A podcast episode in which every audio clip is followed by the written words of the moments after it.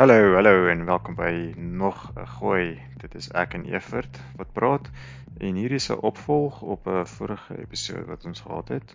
Ons praat weer eens oor fallacies en ons weet nou die Afrikaanse woord vir fallacies is denkfoute. So ons is 'n bietjie fact-checking gaan doen en bietjie meer gaan oplees oor waaroor ons laas gedink het en hooplik kan ons bietjie meer duidelikheid gee oor die onderwerp. Ehm um, hooplik is dit interessant, so geniet hom.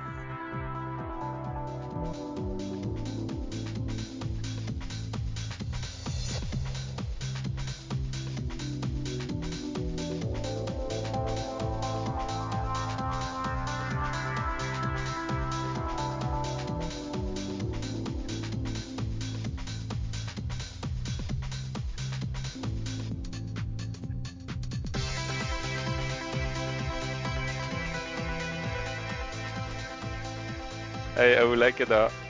Nou Magali. Ek dink die die teorie van die of of die filosofie die filosofie van die Magali spotgooi is hoofsaaklik dat ons Magalies is. Punt nommer 1.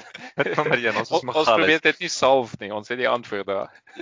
Ja, dis nie 'n probleem nie, dis die antwoord. so dis hoekom elke elke persoon wat uh, nou bydra tot die Magalies, die eerste toets is om te kyk of hulle Magali is, want as hulle nie Magali is nie, dan is hulle nie welkom nie. Ons soek nie As hulle self hoor ag. as hulle self hoor ag ja ja. Ehm um, en ons ek nou verder nou opgelees oor die Pharisees. So ons gaan nou vandag verder praat oor die Pharisees en ek het nou verder probeer oplees oor dit. En hoe dieper jy lees daaroor, hoe meer dop my oë om want ek o, oh, yes, hierdie is nou 'n bietjie te veel vir my en dit raak nou 'n bietjie te boring en ek dink dis waar pop science inkom. Pop Oh, ja. science, pop science Bite is. Brian Ja, gee vir jou bite size en jy dis op 'n vlak waar mense soos ons dit kan verstaan. Maar ek sien nie dat hulle dit met filosofie doen nie. Ehm um, dis half as iemand begin praat oor Hume of Spinoza of so dan yes, okay, ek weet nou nou is ek al klaar verloor. Ek weet nie wie dit is nie. Gee my eers 'n bietjie agtergrond en ehm Ah ja, dis daai tipe Wikipedia rabbit holes wat jy kan ingaan want dit is soos as ek hoor, ek weet nie, organic chemistry oplees. Die eerste woord wat hy onderstreep het, moet ek gaan klik om te kyk wat dit is. en dan dan is daar en dan weet ek ook nie wat dit onder is dan klik ek op die volgende eers. Voordat ek weet is ek 10 levels diep en ek sien ek's een sin in die dinge waarvan ek wou geleer het. Ehm uh, ja. Ja, Ehm, maar dit is soos nou die fallacies nou nou ja, nou probeer ek nou half daar's klassifikasies van fallacies en daar's ja, definisies ja. van fallacies en dan moet hulle dan eers die woord valid gaan definieer en so en dan dink ek o oh, nee, jessie, dis dis nou dis te veel. Ja. En dis nou episode 6 van die die een ding wat ek die podcast wat ek geluister het. Toe het ek dan probeer om episode 1 te luister en dan is dit ja, ek, nee, dis nog nie dis nog nie vir my nie. Ehm um, of ek ja, ek weet nie. daar's 'n tipe ekskuus, ek val jy in die rede. Daar's 'n tipe maar maar dis dit is wat, wat se mense is jou as ons nou eendag famous is. Ehm um, wat sal wat is daai lyn wat mense al wat dieselfde altyd het, sy kwinkslag. Wat noem jy die ding in Engels? As ek 'n hero superhero was, dan was dis my special ability om iemand in die rede te val en net aanhou. So uh, so ek het julle in die rede geval en nou het ek klaar vergeet wat ek wou sê. O, um, wat ek wou sê is akademie het 'n manier om my te disinterest. Ehm um, as jy oor wetenskap wil leer, die eerste ding waarmee jy begin is, okay, kom ons praat oor units, oor mathematical units en 10 tot die mag dit om 'n nommer neer te skryf en so. En dan rol jy jou oë om en jy het nog nie vir 'n bietjie iets nice gesê nie want hulle begin altyd met die mees boringste shit en so aan wat jy moet eers leer. Um, ek het al baie keer ek dink, "Ag, oh, ek wil graag iets oor ingenieurswese weet." En wragtig, daai eerste lesse is altyd so boring en jy weet al dis half die punishment wat jy seker hoe hulle mense uitfilter. Wat sê, "Okay, as jy nou die eerste les van basiese boring nonsens, nie nonsens nie, useful goed gaan wat jy nog glad nie kan apply of iets mee doen nie, dan ehm um, dan kan jy nou verder gaan en miskien is dit al vir dieselfde met episode 6 is wat jy wou weet. Episode 1 en 5 is die die fee wat jy moet betaal om daarbey uit te kom en dis nie noodwendig dat jy gehoek gaan wees van die begin af van episode 1 af nie. um, at, at least dis baie keer my vinding met ehm um, van die ja, hoogs akademiese plekke. Maar soos quantum mechanics, jy kan nie quantum mechanics begin verstaan voordat jy die double slit eksperiment verstaan nie. En selfs dit is breek jou brein om daarna te luister. Maar dis ek dink party van die party van hierdie onderwerpe kan jy soos half net die pop deel daarvan jaag. Maar soos quantum physics as jy nie die double slit eksperiment verstaan nie, dan dit is soos die die filter. Ah, die great divide. Ja, so nou kry jy ouens soos Deepak Chopra. Ag kom nou... man, ek ek het ek het gewonder hoe lank gaan dit vat voordat ons sy naam noem. Ken jy die Deepak Chopra phrase generator? so, so so jy gaan na wisdomofchopra.com toe. So dis een of 'n dude wat al sy tweets gevat het en dit half in 'n uh, artificial intelligence ingestoot het en en nou kan nou randomly generated Deepak Chopra quotes vir jou. Kyk, ek weet nie veel van die ou of nie, maar ek sal ten minste hom introduce soos wat ek dink hy is. Daar's legit scientists wat met goed werk. En dan staan mense wat daai exact woorde gebruik om iets heeltemal anders te beskryf. En ek kan verstaan dat scientists voel dat dit die value hulle werk want vir hulle beteken ek weet nie 'n kovalente bond band vir 'n vir 'n chemiese chemikus wat noem mens dit beteken iets spesifieks. En as ek nou hier begin poem skryf oor kovalente bonds en die rugby is 'n kovalente bond en so dan dink ek wat tonder ons weet wat dit is, moet nou nie ander goed daaraan sit nie. Dis dieselfde met hmm. Tyson en sy truth wat hy half truth verkoop en sê nee maar daar's verskillende truths en so. Dit strand. Dit is waar of is nie waar nie dis soos as toe ons die movie Hackers gekyk het. Dan sit jy in die movie en kyk en dan dan sê hulle iets aan hoor jy daar's 'n deel van die audience wat sê, "Ag, oh, come on man, seriously man." weet jy ja, dis al die geeks wat weet waarvan hulle praat. Wel, ek dink ek's nog steeds redelik aggressief oor sulke goed. Ek hou nie daarvan as iemand sommer net 'n woord vat en gebruik vir iets. Babal was hulle spelenders geweest, maar ek dink ehm um, Deepak se storie is hy hy doen dit uit 'n hy wil slim klink en klink asof dit related is en ek ek dink nie dit is noodwendig nie.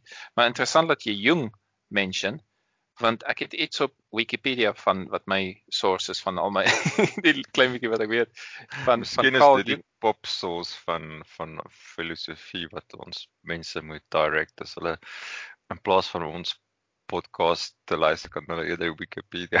Ah, massive step up. En ek weet ek weet die akademie skel hulle hulle vroue oor wiki Maar um, oh, ja, dis man, okay. Dis 'n massive step up van die stront wat ons praat. Jung het iets gesê, miskien is daar meer as net al die goed wat ons kan verstaan en dan daar 'n parallel ek sou net sê universe met physics is of iets nie, maar 'n parallel ding van goed wat ons nie kan verstaan nie wat half meer magies is of of so wat sê okay, daar's nog genoeg space vir so iets. Ek dink ek doen dit goeie justice nie.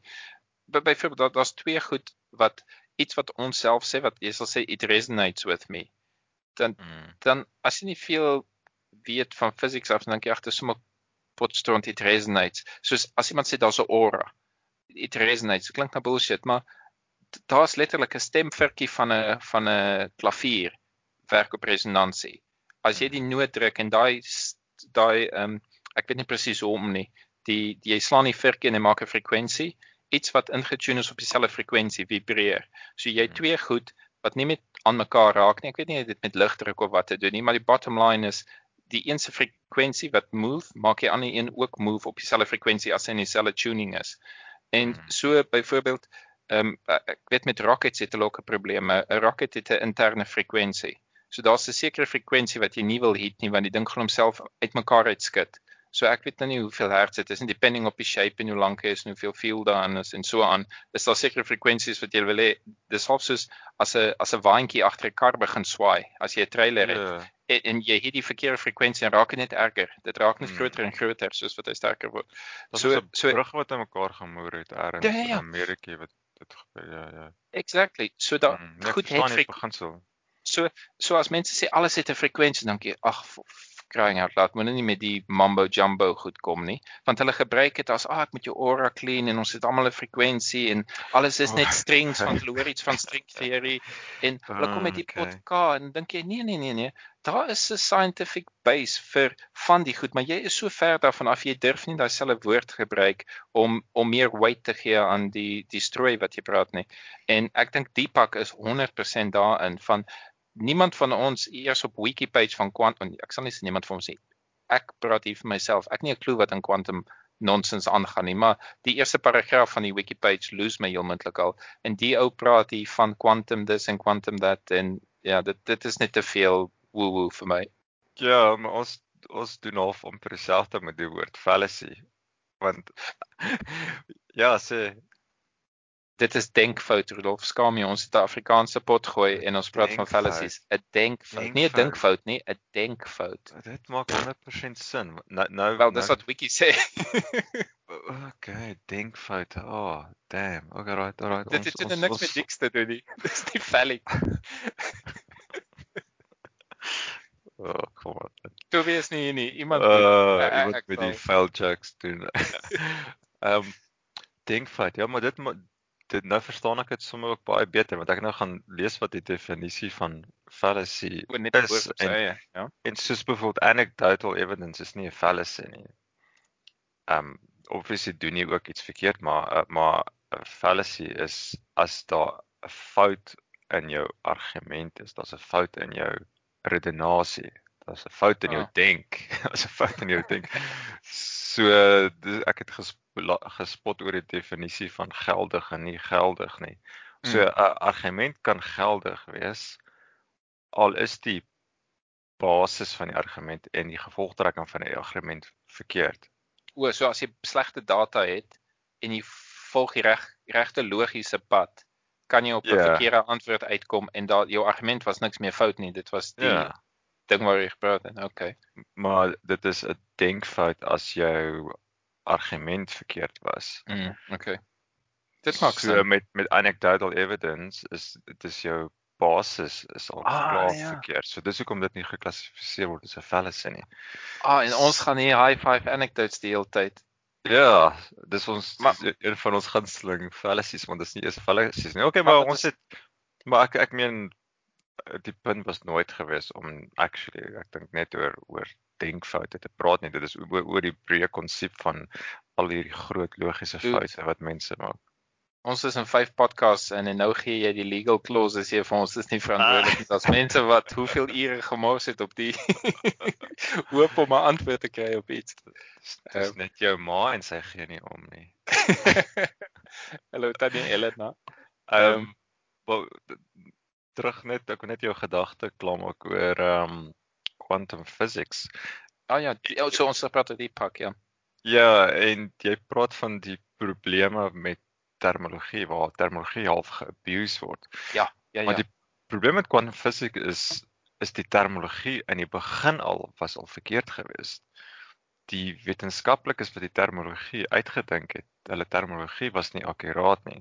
Soos met quantum, ag soos met observation, die woord op, observasie gebruik hulle mos oor die die wave function val plat as jy dit observeer. Mm. Maar die woord observeer is beteken nie 'n mens moet dit observeer nie. Hulle sê 'n klip kan dit ook obs, observeer. Yes, dan moet- ja, okay, nou het ons 'n baie spesiale definisie van observeer hier so. Maar presies, so nou het ouens nou die- woord observasie gelink aan consciousness. Ja. So wanneer jy so jy het consciousness nodig om dit te observeer so so die universe word gekreë deur mense se consciousness en nou raak dit woe woe soos jy sê en, en dis die tipe foute wat ehm um, Deepak Chopra maak. Ehm um, Ek dink jy maak 'n fout. Dink dink jy het iets misverstaan? Ek dink hy weet presies wat hy doen. man ek het ek het hom gaan luister en gedink ja hierdie ou want hy met die ou skatryk man hy maak miljoene daai uit en gedink nee hierdie ou vat almal vir 'n ride en hy maak geld daaruit. Maar Michael Shermer het actually bevriend geraak met hom. En hy het gegaan na sy hy het een van 'n reserve waar jy kan gaan en dan kry jy spa treatment en Ehm um, is ander nog goed wat hulle doen en jy doen meditasie en so aan en Michael sê maar ja, al daai goed werk. Al daai goed op einde van die dag werk. Jy voel happier en jy voel rustiger as jy daar uitkom, maar die goed wat hy praat is nog steeds nonsens. Ja. Okay. Maar, maar die punt is die placebo ding.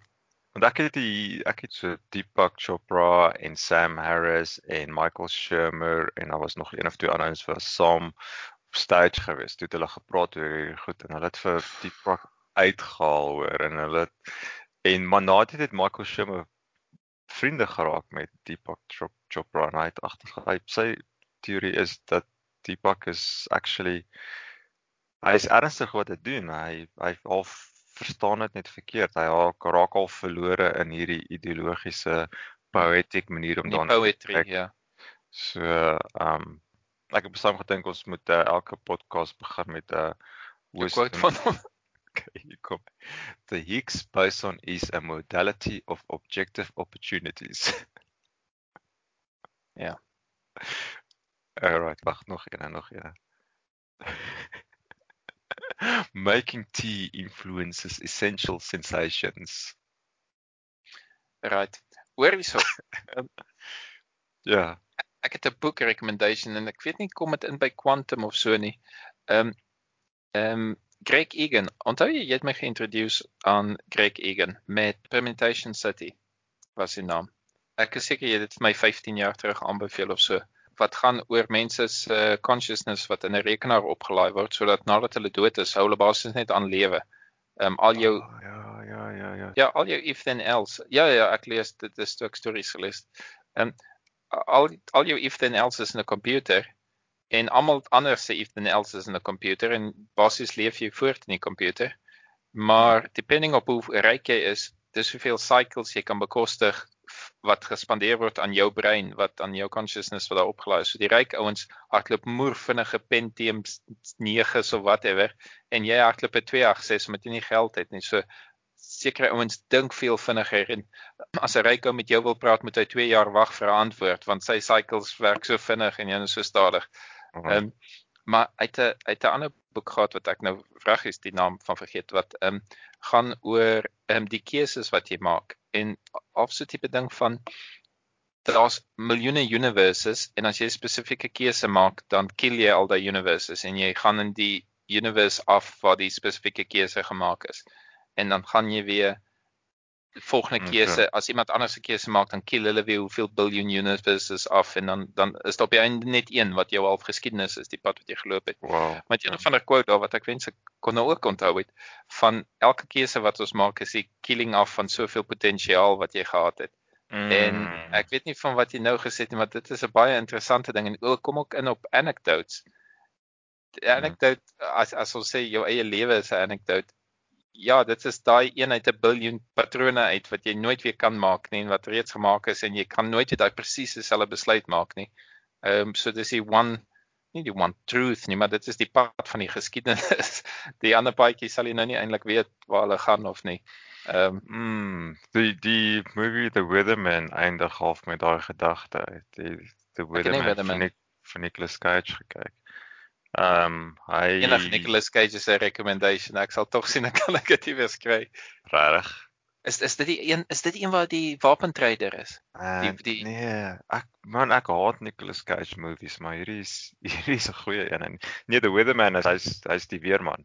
Hy is letterlik die weerman. Hy's okay. letterlik die weerman, maar sy lewe is crap man. Sy hy hy's geskei en sy kinders haat hom want hy's hy sê altyd die verkeerde goeters en alles en so hy's nou regtig soos die poepel en sy pa se Pulitzer Prize winner en hy probeer 'n boek skryf maar sy sy boek is baie bad en so en so hy's nou half en op die einde van besluit hy half jy sê okay hy is 'n hy is maar 'n maroon en 'n asshole en so en maar ag dis fine life is good. Hy aanvaar homself vir wie hy is. So hy half settle hy half piek maar die goeie dele in sy lewe uit en ontvaar dat hy die poepel is maar dan op die einde dan ek praat van uh, as jy begin met jou lewe dan sien jy al hierdie potensiaal van al die goed wat jy gaan doen en dan loop jy 'n sekere paadjie en as jy sekere keuse vat in jou lewe dan sny jy honderd ander goeders af en dan 'n ah. ruk later moet jy weer keuse maak aan sny en op die einde van die dag word jou lewe al hoe meer en meer spesifiek en al hierdie drome wat jy in die begin gaan gehad het word alles geëlimineer. Ehm um, maar dan na vyf maak vrede daarmee want dit is nou wie jy is en dit is tog goed wat wat jy is en jy moet happy daarmee wees. So dis al ja. Ja, dit dit laat jou help help slaap om vrede te maak daarmee. Dit jy kan nie net kyk na regrets en so nie. Ek meen ek, ek dink party mense kan sensibly of soos 'n ek weet nie 'n oorlogstrategie of so sê okay, wat het vandag gebeur? Jessie, dit was 'n gatslag. Hoe kan ek daarop verbeter of so sonder om hulle self op te bied daaroor en 10 jaar later nog steeds te wens hulle die ander keuse gemaak. Een ding is om te sê volgende keer doen ek gaan ek 'n ander pad kies. En die ander ding is om te sê ek wens ek het nie die pad gekies wat ek gekies het nie. Yes, uh, dit sluit so by by free will aan. Wat Dude, nou ek, ek ek wou vir jou gesê, dit voel vir my elke pot gooi moet ons so side step want free will kom die hele mm. die hele tyd kom dit op en jy kan so vinnig die tangent vat, die off-ramp vat na of yeah, die highway, maar, die on-road vat na free will toe. Ja, maar net net om te net om te verduidelik hoekom ek dit sê want free will mense sê baie maklik man ek moes dit gedoen het. Ek sou eerder dit gedoen het, maar daai besluit kan nooit verander nie. Jy, jy as jy teruggaan in die verlede in en jy kom weer by daai punt sê jy nog steeds die verkeerde besluit geneem het. Ja. Maar dit is half net 'n les vir die toekoms. Ja, dis die enigste ding wat jy daai uit kan kry. Mm, mm, mm. Want dit sê nie dit sê nie dat mense nie hulle history verwens nie. Hoor jy so gou vinnig, ek het nou gekyk hier intussen die die boek van Greg Egan se naam is ehm um, dit het dit nou al regtig weer vergeet. Ehm um, die een ehm um, die quote wat ek wou gee van van die boek waar hy sê this is what it means to be human slaughtering the people we might have been. This is oh, my man. desperate way of looking at it. Die die die boek se naam is Quarantine. Ehm um, ek kan dit aanbeveel. Ehm um, dit, dit gaan baie oor ehm um, hoe is dit moontlik dat jy besluite maak en al al ou jy dit nie aan jou aan jou parallelle, al die parallelle opsies wat jy doodmaak om 'n decent keuse te maak eerder as om net uh, ek weet nie die wow. die, die bad patrone te volg nie. Yes, dis 'n brutal manier. yes, dis so brutal. Yes, like it's so. Jo, okay. Wow. Maar hoorie ons is nou al, al lank aan die klets, ons moet kom ons uh, dit was 'n goeie intro, maar kom ons kom ons doen die groot gooi. ons doen die hoofpotjie. slaan oor na die denkfoute denkfoute. Wat jy het nou 'n uh, bietjie gaan oplees doen en so aan wat wat het jy gelees ja, oor denkfoute en en hoe baie hoe ver was ons verkeerd gewees met die eerste denkfout pot gooi. Man terwyl Toby nou nie is nie, sal ek hom onder die bus gooi.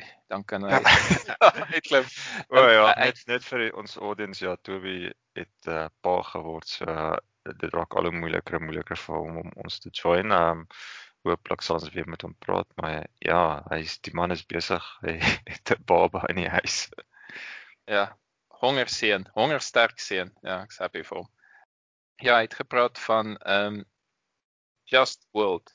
Ek het die idee gekry die Just World fallacy is kom ons sê jy jy dink jy's 'n goeie mens en daarom naïef naïewelik, weet nie wat die woord is nie, naïefly dink jy ander mense doen dieselfde. So mm. dit is half meer 'n uh, jy maak 'n assumption dat ander mense soos jy sal redeneer of soos jy sal act. En wat wat my die meeste opgeval het um, toe ek of research daaroor gedoen het 'n klein bietjie was dit is meer 'n conclusion hoe jy, hoe jy die wêreld reeds sien as 'n assumption. En hulle voel ek het interessante voorbeelde gehoor van mense apply die just world om sekere blows van society beter te maak vir hulle self. Ehm um, as daar iets is wat hulle nie kan verstaan nie, dan kan hulle die just world apply om sin te maak uit hoekom ek weet nie hoekom is daar injustice en hmm. dan probeer hulle dit just maak om sin te maak sodat hulle nie kan sê die lewe moer jou partykeer net te hard met 'n klap van agter af en daar's niks wat jy daaraan kon doen of so nie. Ehm um, Ja, so die manier hoe Toby dit gebruik het was nie heeltemal reg nie. Ek meen die just Dit sê onder die bus. Ja, onder die bus, sorry Toby. Uh Ehm um, so dis ook nie 'n fallacy nie. Dis die just world hypothesis. Dis ja. half ja. dis half 'n idee die idee is dat die alles werk mooi uit. Op die einde van die dag wen die good guys. Ja. Alles het 'n happy ending en as dit nie en wat jy nou gesê het, as dit nie happy ending het nie, is dit omdat jy opgeskroef het. So as jy in so die just world hypothesis is baie gelink met ehm um, victim blaming. Ja, victim moenie die kort rokkie aantrek nie. Ja, daai tipe. Ja, ja, so die klassieke ene is uh ehm um, wat jy laat op straat gedoen. Ja, seksuele misdaad seksuele misdadigers ehm um, so die vrou word half beskuldig dat maar dis jou eie skuld want jy het was laat op straat gewees. En dis die klassieke voorbeeld daarvan ehm um, 'n minder sensitiewe voorbeeld is ehm um, ja jy's beroof want jy was nie veilig genoeg jy was nie versigtig genoeg nie. So die ou wat nou hoor van hierdie van hierdie vriend wat beroof is wat se beursie by hom afgevat as jy dink ja nee jy moet jou beursie stywer vasgehou het want jy kan nie die idee aanvaar dat die wêreld is nie just nie. So jy moet nou 'n rede uitdink hoekom dit nie met jou sal gebeur nie. Want, exactly. Jy wil ja. dit is jy sal vir jou eie jy gee vir jouself 'n hug en sê moenie worry nie, dit sal nie met jou gebeur nie want jy's nie so stupid om met 'n dierhorlosie in 'n alley te loop of wat ook al nie. Dit dit is al vir security wat jy vir jouself gee. Ehm um, ja, en dis waaroor die hele just world hypothesis gaan. Dit gaan oor Dit is so vreemd dit is so vreemd dat dat ons 'n dummy nodig het. En 'n side note, ek sit baie keer ja. met my elmboog so hier bo my kop met my hand hier op my rug se blad, so alvas vir jy jou eie kussing vir jou maak. En um, ek het iewers gehoor dit kom af van as jy 'n kind is en jou ma jou kop want as jy babatjies kan nie jou kop reg ophou self nie. So as jy drink en so met jou kop gehou word. So as jy 'n bietjie ja. comfort nodig het of so, miskien as jy rus of so maak jy saak eintlik wanneer nie dan um, mense wat al 'n steen uit hulle lyf uitmaak vir hulle eie kop dis sonder 'n kussing of so wat daar agter is net half sit jou arm agter jou kop of so is half. 'n hmm. callback van ja die soekie veiligheid van van dit maar dis my vreemd dat in die, ek ek het 'n voorbeeld gehoor van iemand wat getorture word dan dan probeer hy alvredes uitsoek hoekom daai mense dit verdien net sodat jy nie oh, ja. dat jy nie, dat jy nie hoef te sê die die, die wêreld is messed up en mense kry nie wat hulle mense kry wat hulle glad nie verdien nie. En en then again, ek weet nie, miskien is ek 'n bietjie te hard. Ehm uh, mis, miskien het ek nie genoeg random dinge gehad of so nie. Maar dit voel vir my ek is nogal redelik nugter oor ek weet die wêreld gee nie 'n moer om oor oor jou of so nie. En dis maar mense wat omgee vir jou. Ehm uh, die universe gee, nie 'n vrek om ewen vir life nie. Dis maar mm. net kan jy sê physics? Is dit ewen physics wat die universe vir omgee? Ek weet nie. Maybe nie eers nie. Net kausaliteit. Kausaliteit is die enigste ding wat vir die universe omgee. Mm. Van die Big Bang af was dit altyd en jy kan sien waar ek staan op free will dan. Mm -hmm. Van die Big Bang af was dit 'n trein sonder brieke en 'n jaag in wat ook al rigting in waar deur vandag se stasie wat ook al vandag gebeur het, die odds van biljoene biljoene dis waar hy deur is en hy gaan aan met 'n moerse spoed en niemand kan die brieke aandry nie. En vir die res gee die universe nie 'n moer om nie ja, tog vra jy vir jouself. Ek onthou ek het ek dit al op die gooi vertel. Ek het eendag 'n trein gemis in in Italië iewers. Ek het een trein gehad wat inkom en ek moes 'n ander trein vang en daar was 'n vlug iewers en ek het die trein gemis. Toe ek op die ek dink ek het verkeerde perron geloop. Toe kom ek op die perron aan, toe toe die trein weg. En jessie ek het myself my geskop hoekom kom het ek verkeerde ding gekyk en so. Toe sien ek ek kon dit nooit gemaak het nie. Sien maar my trein het eintlik later aangekom as wat die een vertrek het. En dit was vir my so verligting. Ah, ek ek never a concert. Net sodat ek nie myself kan blame nie dat dit is nie my ah, fout nie. So ek het eintlik berusting gevind by die feit dat die keer was dit nie my fout nie. Ek was in elk geval geskroe omdat ek nie myself kon aankla van van 'n verwyte nie. Ja, omdat ek myself nie kon verwyte nie, was dit al vir my bietjie meer peace van okay, ek was in elk geval hmm. geskroe. So jy so jy is half meer just. Miskien jou, jou wêreld is meer just want jy is meer just. Jy het wel jy was nie betyds nie, maar jy het nog steeds die fout gemaak om nie die regte tyd True. Daar daar daar daar's daar kon 'n moontlike les wees, maar die die disappointment in nou is ek nie op 'n trein nie en ek gaan my vlug mis. Hoe het, het ek nie nodig gehad om op myself te bly nie. Ehm um, en en en, en dit niks dit nie dit, dit nie veel met just will te doen hier. Dis dit is ek dink maar net ons gebruik almal maar meganismes Ek dink so. Ek, ek dink jy's in 'n goeie plek as jy jouself opbied die hele tyd oor die verlede nie. En ons almal het mee dit was my meganisme in daai Mhm. situasie om daarmee te cope om te sê ek het nooit 'n kans gehad nie en daarom voel ek, oh, dis okay, so dis nie my skuld nie. En as ander mense kyk na die torture van diere of so, dan probeer hulle miskien 'n just world invent om dit vir hulle om die blou beter te maak of as jou vriend sy beursie gesteel het of so om te sê nee maar dit was sy fout, dit sal nie met my Mm. gebeur nie. Ehm um, ek ek dink ons en soos ek sê jy sit jou arm agter jou kop want ek weet nie jy mis jou ma. so tipe tipe ding. Ehm um, ja, maar dis dis vreemd hoe baie hulp het ons nodig. En en jy sal nie dink jy het hulp nodig nie, maar hoeveel meganismes gebruik jy om om die blou van daily life makliker te maak. En dan ja, ander mense sê okay, hulle het substance probleme en so aan. Maar ja, ons almal gebruik maar al vir 'n 'n tuning hier en sien die wêreld in die manier of daai manier om to get through it. En ja, ek nie, jy kan alle allerhande goed inbring. Ehm um, bygelowe en goed wat mense sê gooi die sout oor jou rug of so iets enige iets wat mense dink, "Ag, ah, dit help tog so bietjie, laat my tog so bietjie beter voel of gaan gaan na spa toe van Deepak en dan voel jy bietjie beter."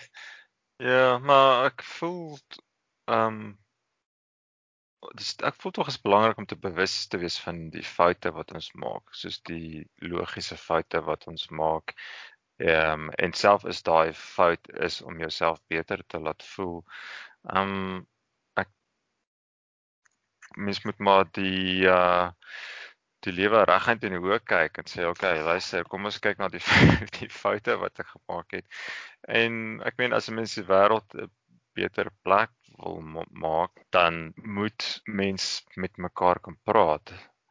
Die een van die belangrikste en ek het al ek het 'n intro geskryf vir die eerste ehm um, fallacy episode en ek het gesê ja, dit is daar's twee maniere om die wêreld 'n beter plek te probeer maak. Jy sit en praat daaroor en jy kom by 'n oplossing uit en jy maak 'n plan om by die oplossing uit te kom of jy bliksem mekaar net. wat, wat wat is die ander opsies? Maar as 'n mens met mekaar praat dan mens meeste van die tyd mis se mekaar mens. Uh Jesus veral as jy kyk na politiek hoe verby die mekaar die ouens praat en partykeer sit met moetswillig en ehm um, en die rede hoekom ons mekaar mis, ek dink is as gevolg van hierdie al hierdie fallacies en logiese foute wat ons maak. So nou ek's half amper kwaad vir die expert ehm um, filosowe dat daar nie iemand is wat soos 'n aktivis is om wat almal hierdie goed leer en dit leer op 'n vlak wat vir ons interessant en verstaanbaar is want ek weet nie as mens nou as jy nou regtig hierdie goed wil verstaan jy dit vat moer baie harde werk om dit te verstaan ja. want dit is jy jy moet hom amper gaan gaan haal daar by Aristoteles se uh, se beginsels en ek ek voel ek voel as jy oor hierdie tipe goed lees dan gaan haal hulle hom daar ver. En ek wil net ek wil net weet soos wat jy gesê het toe ons oor die meaning of life gepraat het. Ek wil net weet wat moet ek vandag doen? Ehm um, en wat moet ek doen? Ek moet uit, ek moet uitkyk vir van my fallacies. Wat is die Afrikaans dan vir fallacy? Denkfout. Denk denk ek moet uitkyk vir my denkfoute. Veral as ek met ander mense praat want hoe kan hoe kan ons by oplossings kom uitkom as ons nie met mekaar kan praat nie? Ek, ek hoor wat jy sê en en ek dink omdat die denkfoute, ek meen op 'n einde van die dag praat ons oor logika. Ehm um, mm -hmm. so jy moet konsentreer as jy die dit as gewoonlik dit wat as jy sê A+ wat A is in B en B is in C wat sê dit van A daai tipe goed jy moet al 'n paar konsepte in jou kop hou. So as jy ja as jy oh. vaak moeg is gaan jy nie veel van veel van die goed inkry nie. Most man fallacy het jy nou aangeraak daar. Het jy dis vir die most man fallacy. Maar maar maar, maar dat daar's twee tipes konsentrasie wat wat ek yeah. mis met die goed wat wat ek hoor van kan 'n mens dit net bite size maak nie. Een is kan ek ewen genoeg aandag gee om deur die twee paragrawe te kom om verstaan wat daar aangaan? En die ander ding is hoe lank kan ek dit onthou?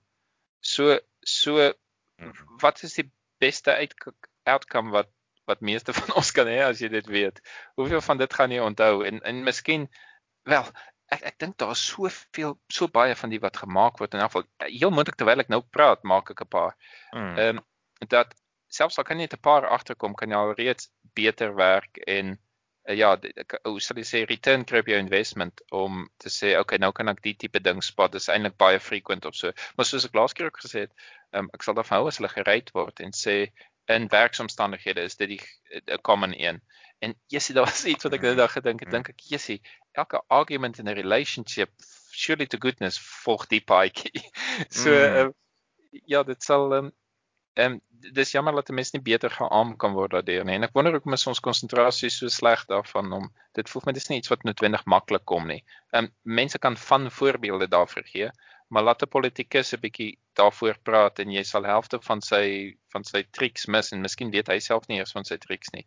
Wag, kom ek ja, jou maar die die die uh, goed wat ek onthou is die goed wat of die goed wat ek die maklikste onthou is die goed wat resonate met my. Soos ons het laas keer gepraat oor die fallacy fallacy en dit het so met my geresonate want ek weet ek maak daai fout.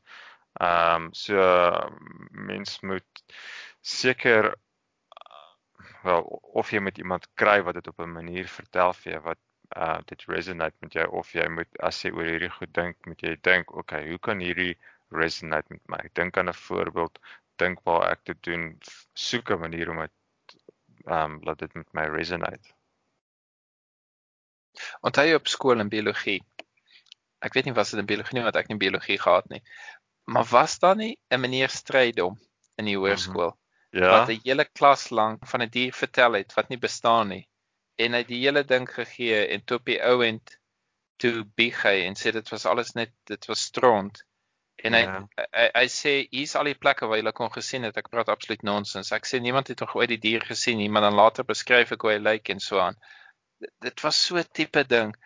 Ja, so soos jy sê die goed wat resonate, die goed wat jy reeds mm. sien jy het 'n kans om hulle te onthou. Uh, die okay. goed van watch out, iemand gaan nie eendag bedonder hiermee. Ja, good luck. Probably nie so goeie kans om om hulle te spot nie. Dit was meneer Neil Strydom geweest. En ek kan nog die dag onthou wat hy homself voorgestel het ons aan ons. Hy het in die klas uh, ons het in die klas gesit en hy het daar voorgestaan en hy het gesê: "Goeiedag, my naam is Neil Strydom, maar julle kan my op my bynaam noem, meneer." Man, hoe lank terug is dit? Want dit het daai en en niemand het gelag nie. Ek het tog as moer van. niemand het gelag. Almal so maar vir my was dit moer van. my eerste dad joke dink ek. Maar terwyl as hy vir Toby onder die bus gooi.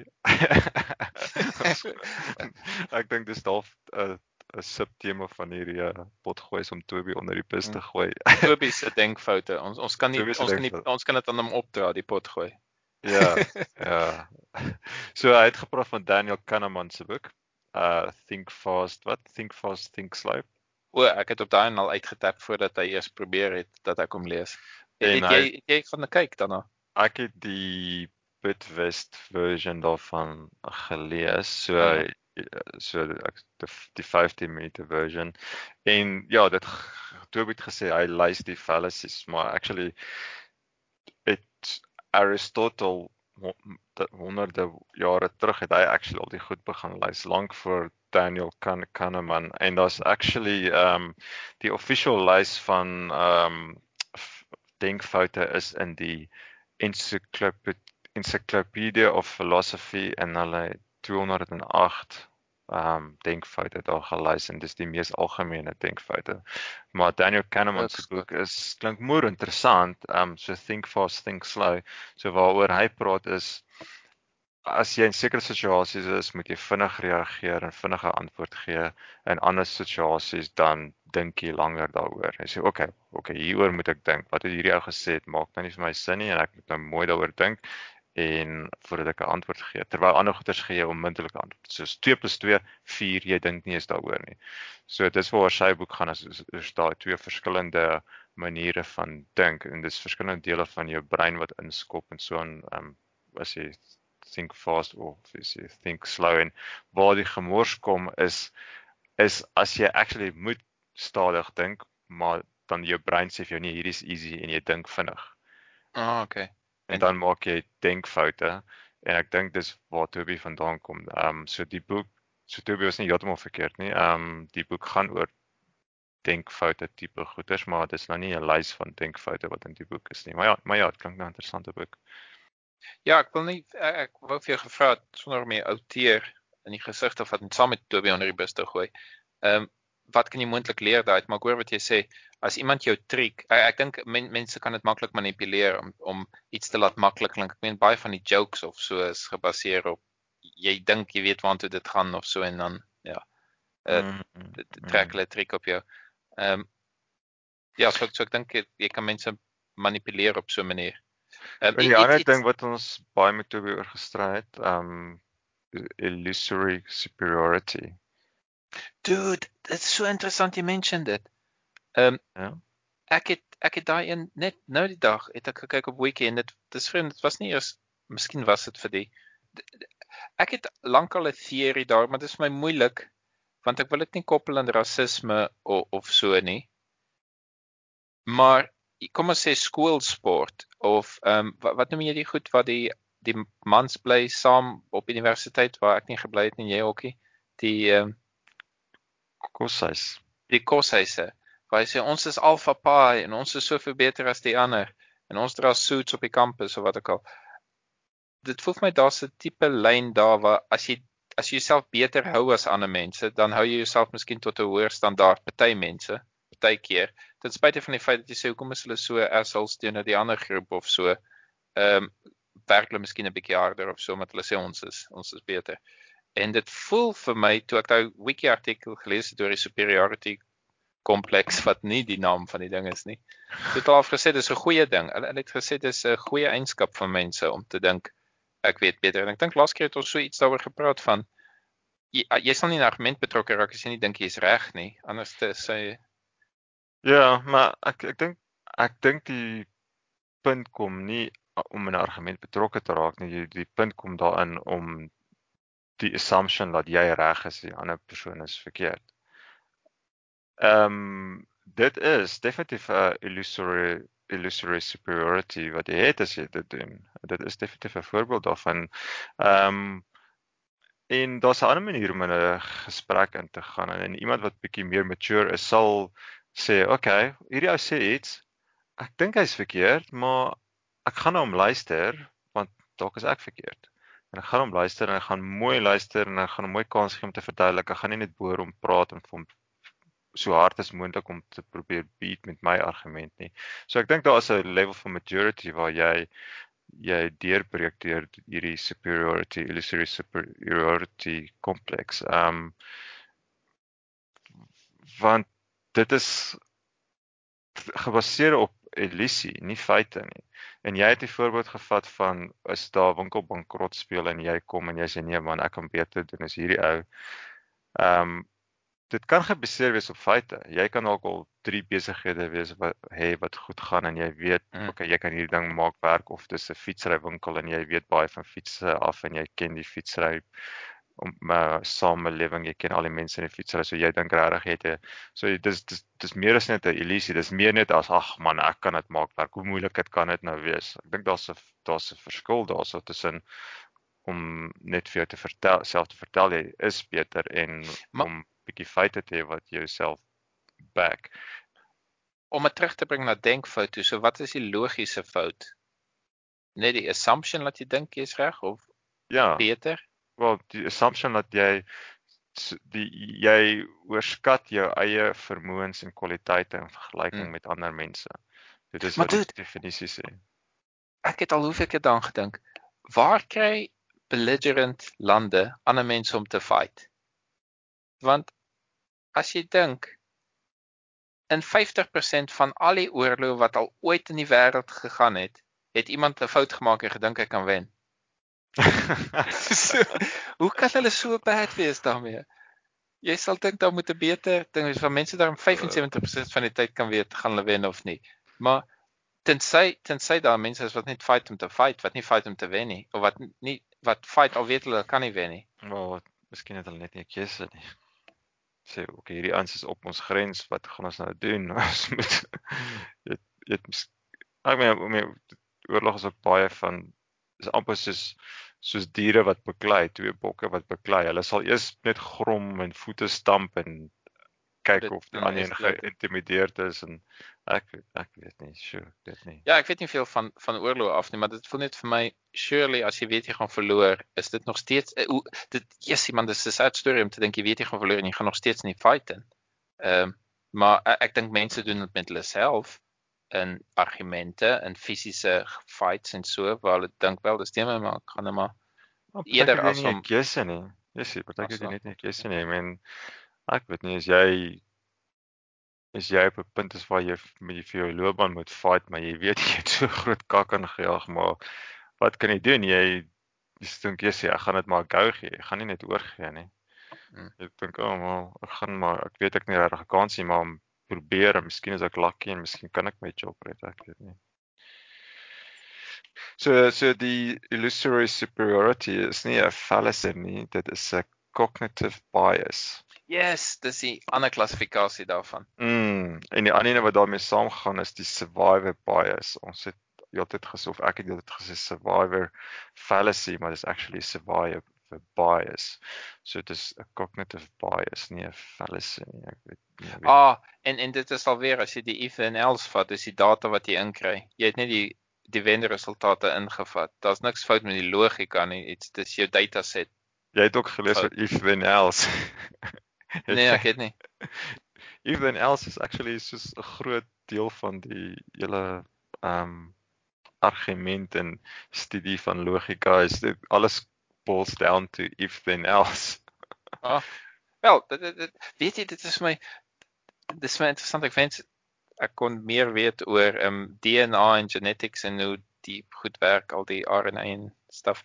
Ehm um, ek weet daar's 'n webwerf daarvoor.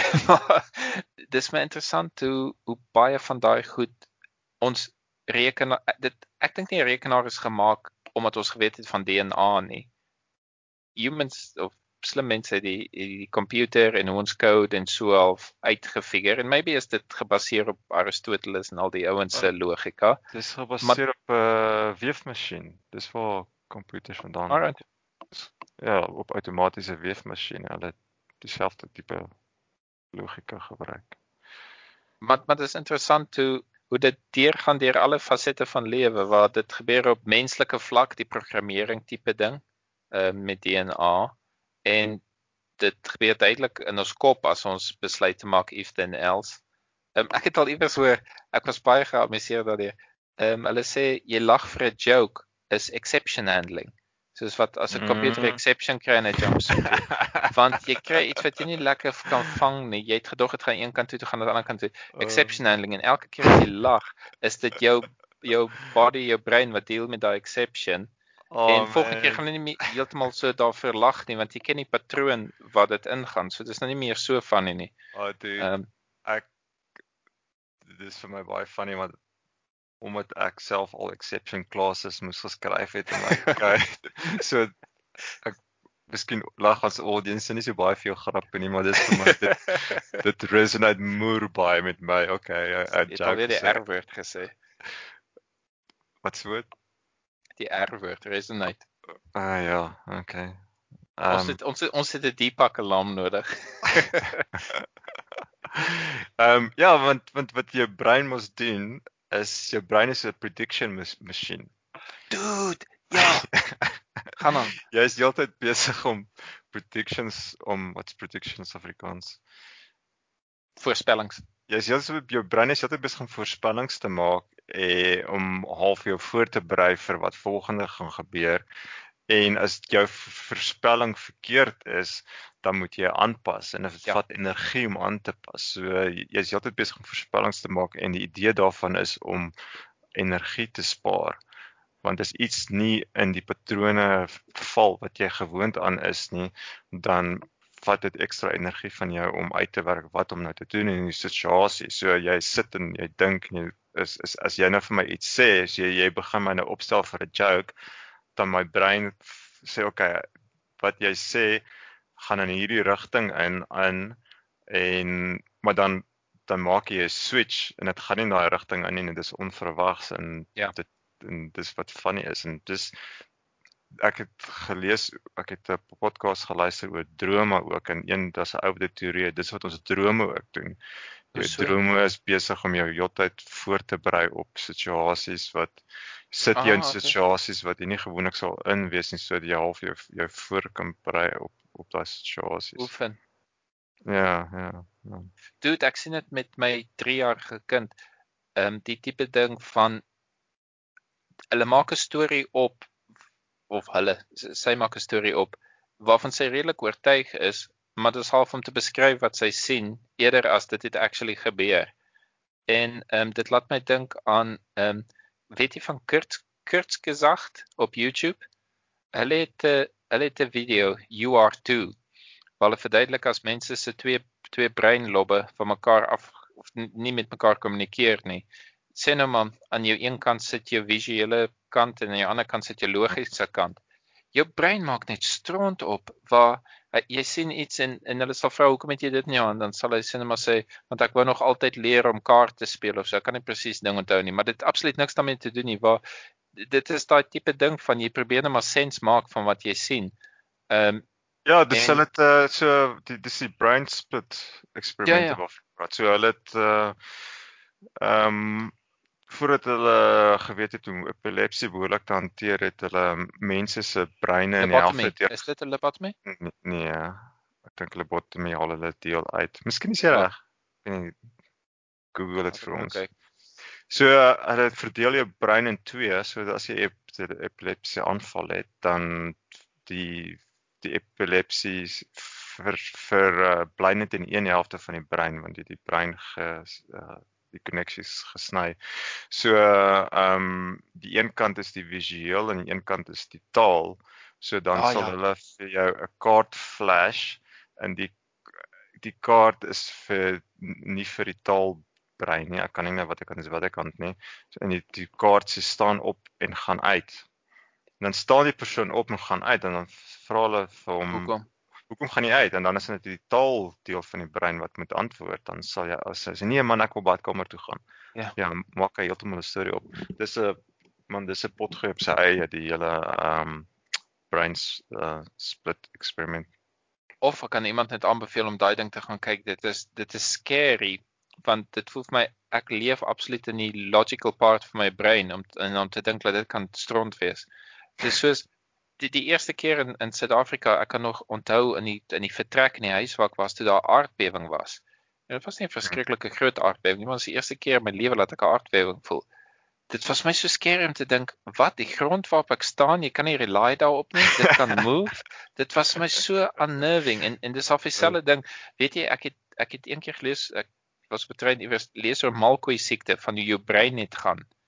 En Hmm. en jou brein raak soos 'n spons van onthou mad cow disease. Mm. Ehm um, en dit was my skrikwekkend om te dink dat jy dat jy kan weet en uh, ons kan seker maar al, almal sê ek en jy ons is oor ons prime van ons lewe so van hier af gaan ons breine net slegter raak maar dis daar nie van hierdie week tot volgende week gaan hy gone wees en ek gaan nie meer ek wees nie maar ja dit is om dit te dink en en en en ek ek, ek reken wat ek sê met die lobotomy storie van die van die twee helftes van die brein is uh, hoe sal ek sê ons prediction machines werk net heel goed uit sodat jy nie half agterkom hoe vol strooi jy is nie, maar basies is dit maar is maar gecheat. Dit is 'n vreemde stelsel. Dit is nie 'n ek meen ons mense is so goed met logika. Alles maak sin. Dit is die freaking rockets maan toe en wie weet waar ook al. En ten spyte van die feit is ons so fragile mes van spaghetti code en en Mm. levels en layers van willekeurig en onwillekeurig. Ehm um, ons gaan nou weer op free will opeindig. Ehm um, ja. Ehm um, ja, ons gaan op op eindig in denkfoute. so jy mis vertrou jou brein so baie, maar tog maak jy so baie van hierdie denkfoute ah ja, elke liewe dag. En daar's actually honderde en honderde van die goed man. Mens mens dit dit dit is scary om te dink elke tweede sin wat jy uiter is daar 'n denkfout daarin en hoe die hel kry jy dit reg om deur die dag te kom, jou tande te bors en jou klere aan te trek en jou inkomste te genereer vir jouself nog Wel- maar ten spyte van al die foute wat jy maak is. ek ek dink dit is 'n goeie vraag. So kom ons kom ons kyk 'n bietjie daarna. Ek dink veral in ons potgooi stel ons onsself sal ek sê bloot aan Mm. aan verskriklik baie daarvan. Ek dink as ek my tande borsel het, ek maak heeltemal minder denkfoute as wat ek hier maak waar ons spesifiek probeer om akkuraat te wees. Ehm um, ek dink is net omdat logika is nie oral nodig nie. Ek meen daar's diere, cavemen wat heel goed gedoen het sonder advanced logika en kommunikasie. Mm. So ek dink vir en dit sê sê ek vir jou moeilik jou job is is nie exactly rocket science nie. Ehm um, ek ek weet ons gebruik ons ons gebruik ek ek bedoel nie jy nie, ek meen ons. Ehm um, daar's ja, baie my, dis fyn. daar's Gooi baie onder wat die bus. wat wat jy doen waar jy kan sê wel ek druk nou maar die knoppie en dran die ding wat hulle vir my geleer het ek moet doen en so aan en ek het iewers geleer ek nie meer opgekom of so nie. Ek het nie alles oorweeg en gedink okay maar onder die kondisies en so en miskien as jy program doen jy meer daarvan so daar's obviously 'n job spesifiek in logika. Ehm um, ek weet nie is common sense logika dit sê nie vat die regte pad nie vat 'n pad wat beter is as party ander slegte paaie. Ehm um, ek het altyd gesê vir my skaak en dit ek het later agterkom dis absoluut nonsens. Maar gedink my manier van skaak speel is maak 'n beter move as een ander move wat jy gesien het. Dan dan ten minste weet jy om een bad move te dodge en dan kan jy beter move maak as daai bad move. Ehm um, net dat dat soveel bad moves dit dit dis eintlik nie 'n goeie vergelyking maar ja, as jy hoe sal ek sê as jy as jy twee opsies het, kan jy ten minste die beter een van die twee kies. Ek ek dink dis my punt. Ehm um, maar ja, mis miskien as ons sê okay, dit ons ons logika is fragile en ons maak foute en so en ja, nog steeds soos soos 'n dak oor ons kop. Miskien is logika nie die ultimate nie. Miskien is compassion for humans en Deepak se goed belangriker om suksesvol te wees as ehm um, net die slimste redeneer reden, redenaar te wees. Ja, Ja, maar compassion co- co- compassion vat jou baie ver. Um om dit terug te bring eh, waaroor ons praat. Een ons het gepraat oor die Steelman en Steelman obviously nie, is nie 'n fallacy nie, maar dit is half die antidote van die strawman. Maar die Steelman gaan oor um om iemand charity te gee. Charity? Ja, charity. So charity is een van die so toe ek nou geluister het na ehm, 'n um, podcast oor fallacies het hulle gepraat oor charity. As jy na iemand se argument luister, gee daai persoon soveel as moontlik charity. So ehm um, gee hom krediet. So jy het vir my die voorbeeld gegee van die low hanging fruit waar iemand vir jou jy vra vir iemand kan jy kan jy my lift gee en dan sê hy nee man, daar's nie petrol in my kar nie. En dan dink jy, "Ag, oh, onmiddellik jy dink hierdie ou is besig om my te voel. Hoe kan hy nie petrol in sy kar hê nie? Daar's hy kan baie maklik petrol ingooi." Maar jy het basies gesê, "Kom ons gee die ou charity." Miskien is dit nou wel nie regte rede nie, maar miskien is daar regtig daar ek gee hom die charity om te sê maar die ou het dalk nog steeds 'n goeie rede hoekom hy my Ah, nie kan ja. vat nie. So dis waaroor charity gaan en jy praat oor compassion. So hê 'n bietjie compassion vir iemand se argumente en moenie net assume daar's moenie net assume hy's verkeerd nie. Hy het dalk express homself nie reg nie. Probeer sy argument steel man en gee hom 'n bietjie en dis wat die hele charity ding is.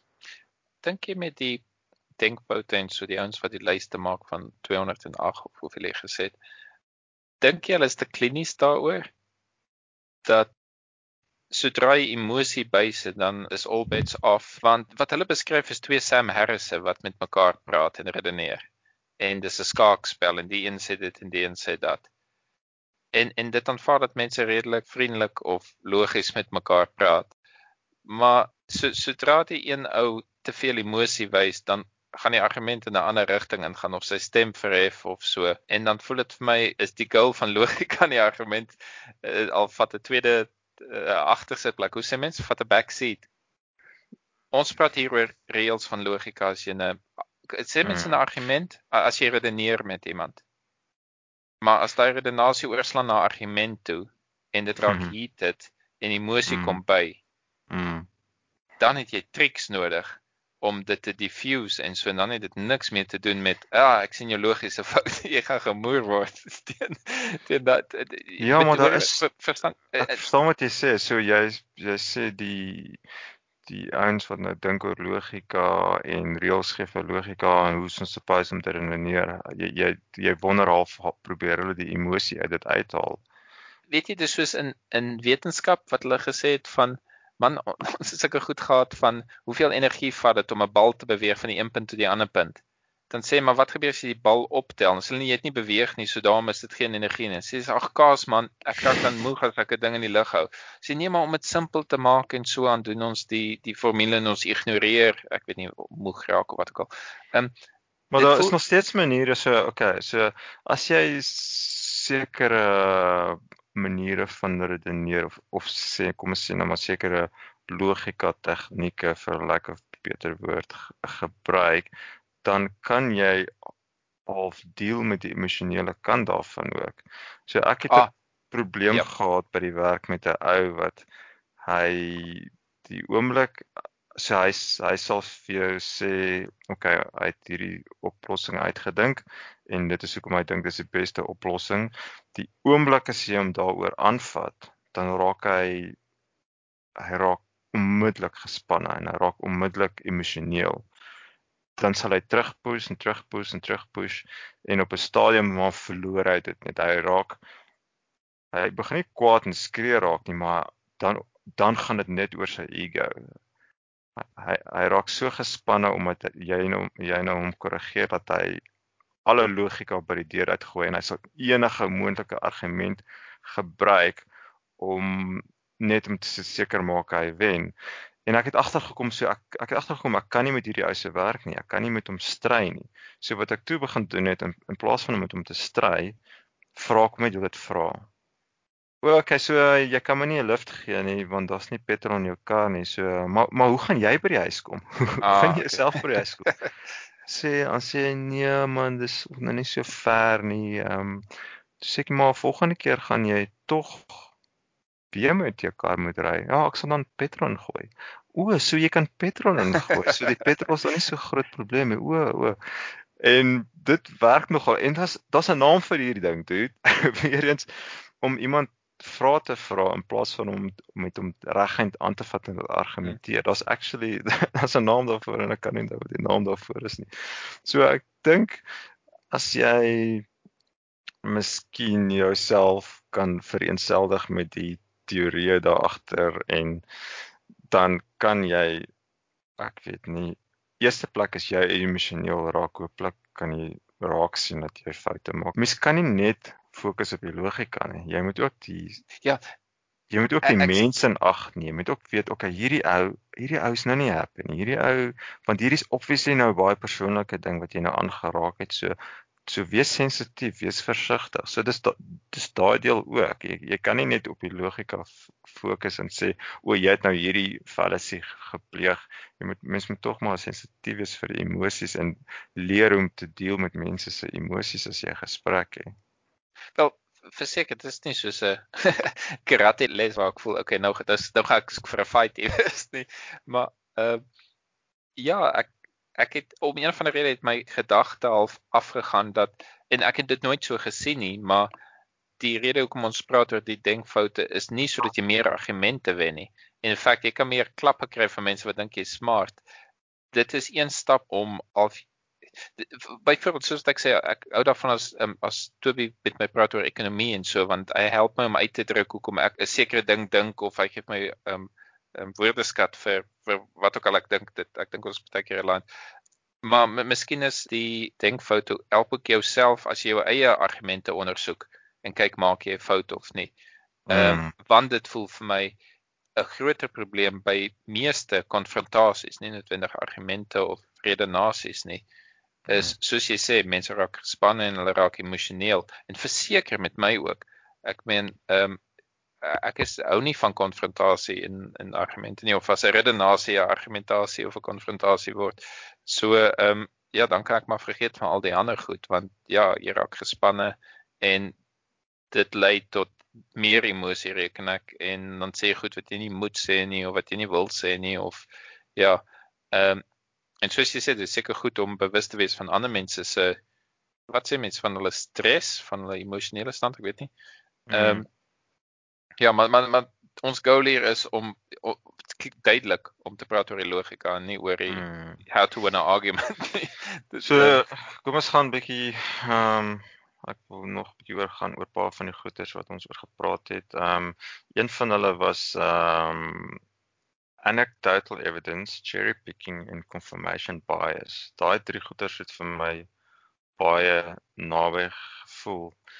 En een ding van anecdotal evidence is wat ek al besef, anecdotal evidence is half jy weet nie jy doen dit nie, jy doen dit per ongeluk. Terwyl cherry picking voel vir my Exactly. voel vir my meer jy doen dit half as prus. Jy as jy met iemand argumenteer of as jy een of ander saak bewys, jy gaan baie doelbewus en jy gaan kies die goeders uit wat in jou argument uh se gunstel en jy verwyder die goed wat nie in jou argument se guns gaan nie. Maar terwyl anecdotal evidence en anecdotal evidence is nie regtig gevalle sien nie maar dis jy half blindelings maak voorbeelde van bymekaar en sê o okay maar ek het op hierdie straat ook gestaan en het dit gesien so dit moet reg wees terwyl cherry picking is vir my baie meer as prins wat jy probeer om jou jou saak te verduidelik en confirmation bias is ook vir my half onbewus. Confirmation bias is ehm um, is is omtrent die mees onbewuste ding wat jy van die drie waar jy net jy sien net heeltyd goeders wat half bevestig wat jy glo en jy sny goeders uit wat wat jy dink en jy sien nie die goed raak wat jou verkeerd sal bewys nie. Ja, hooplik in 'n volgende gooi praat ons daaroor. Ehm um, ek dink dit is die absoluut sukses van van Google News en al die goed. Ehm um, hulle doen daai confirmation bias vir jou. Um, ja, maar jy sê dit is dis sweer daarbey. Dis vir my een van die ek meen as ek nou 'n doelwit van hierdie potgooi moet kry, is dit om te sê ons moet leer om beter met mekaar te kommunikeer en ek voel of die media doen die teenoorgestelde. Hulle hulle half gebruik al ons fallacies en hulle probeer en daar ek gaan nou weer die woord resonate sê. Hulle probeer met ons resonate en hulle iemand sal sê o ja, hierdie persoon het siek geword van die coronavirus uh, antivirus en dit is nou besorgdheid en almal se op en af spring maar plek dat jy van die begin af sê moenie worry nie, moenie worry nie. Daar's 'n daar's 'n spesifieke rede hoekom dit in hierdie situasie verkeerd ah, gegaan het. Die laaste paragraaf. maar hulle sal net altyd op die einde ja, o, maar hierdie ekspert het gesê dit is 'n baie skaars kans dat so daai fout kan gaan.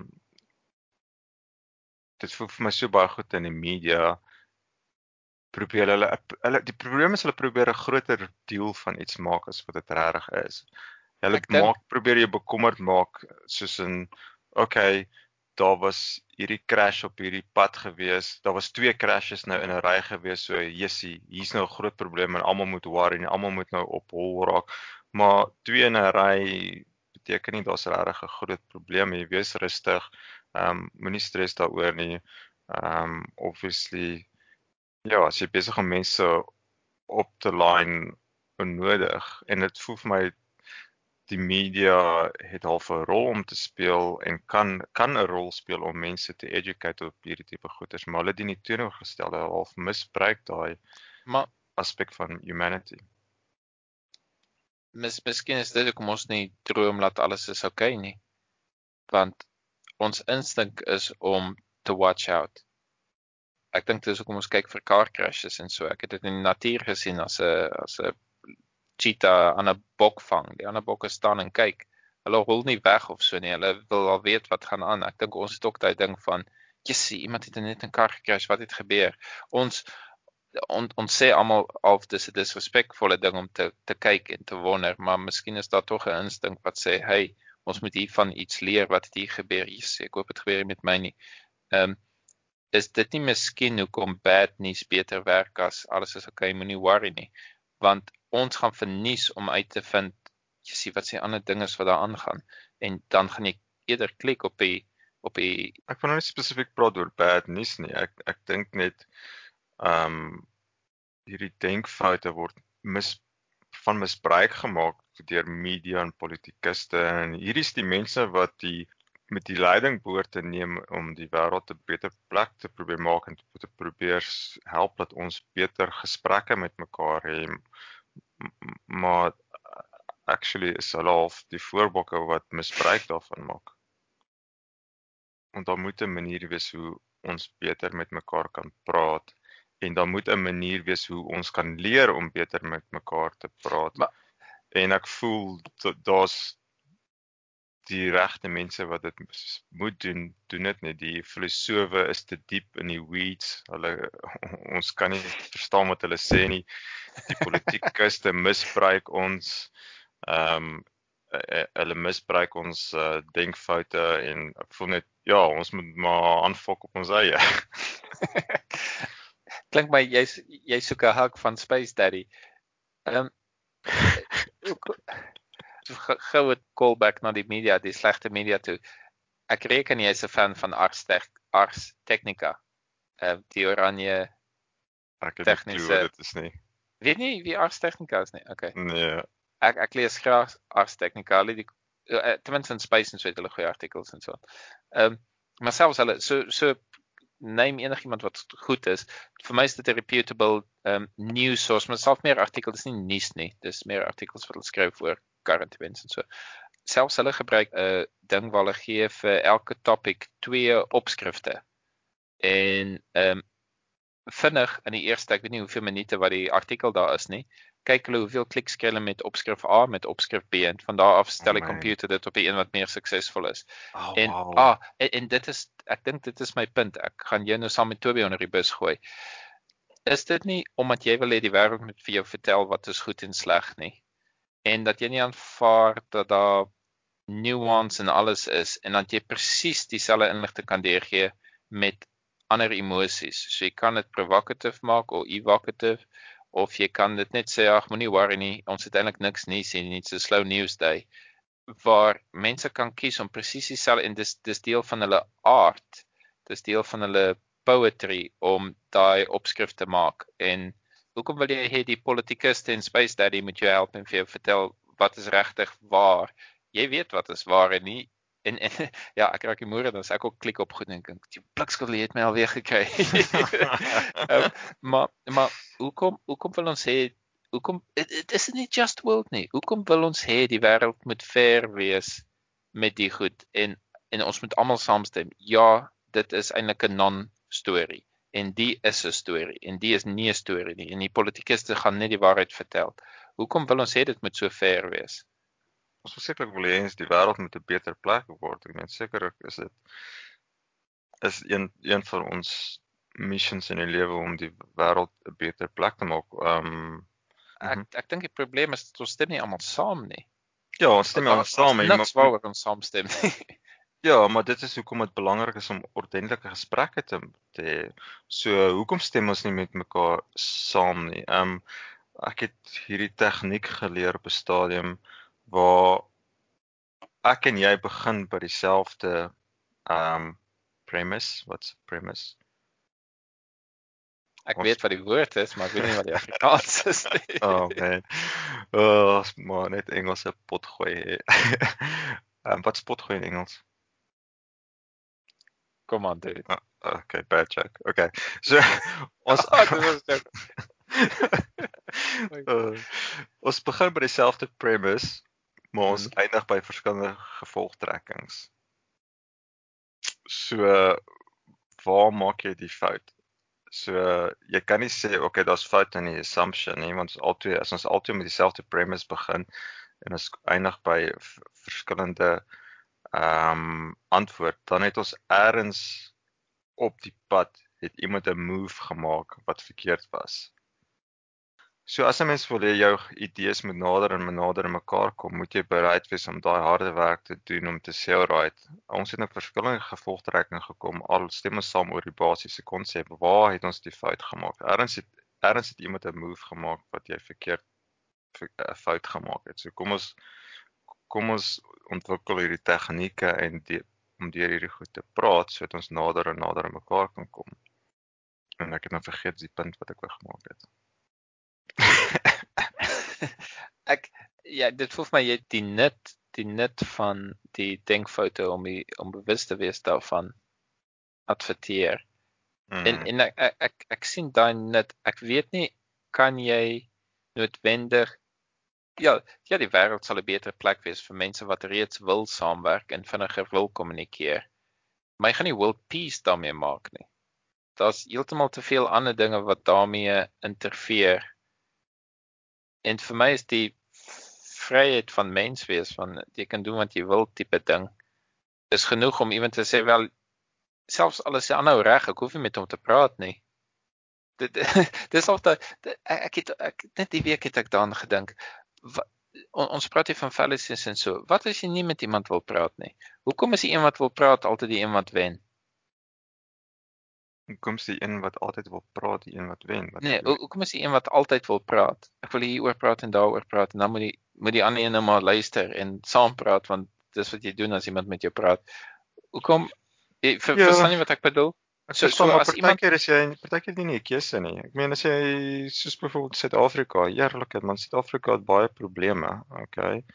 Ehm um, en wat serious impak op mense se lewens elke dag het en en jy moet daaroor praat maar ek voel in of in Suid-Afrika is mense so ver verwyderd van mekaar af. As ek en jy sit en praat oor 'n probleem, dit gaan nooit uitkom by die mense wat die idee moet regtig hoor nie. Um so ek weet nie wat of die punt is nie, maar want op die einde van die dag gaan dit oor die nommers. Op die einde van die dag, ek dink jy wil op die einde van die dag jy wil hê almal moet deel van die gesprek wees.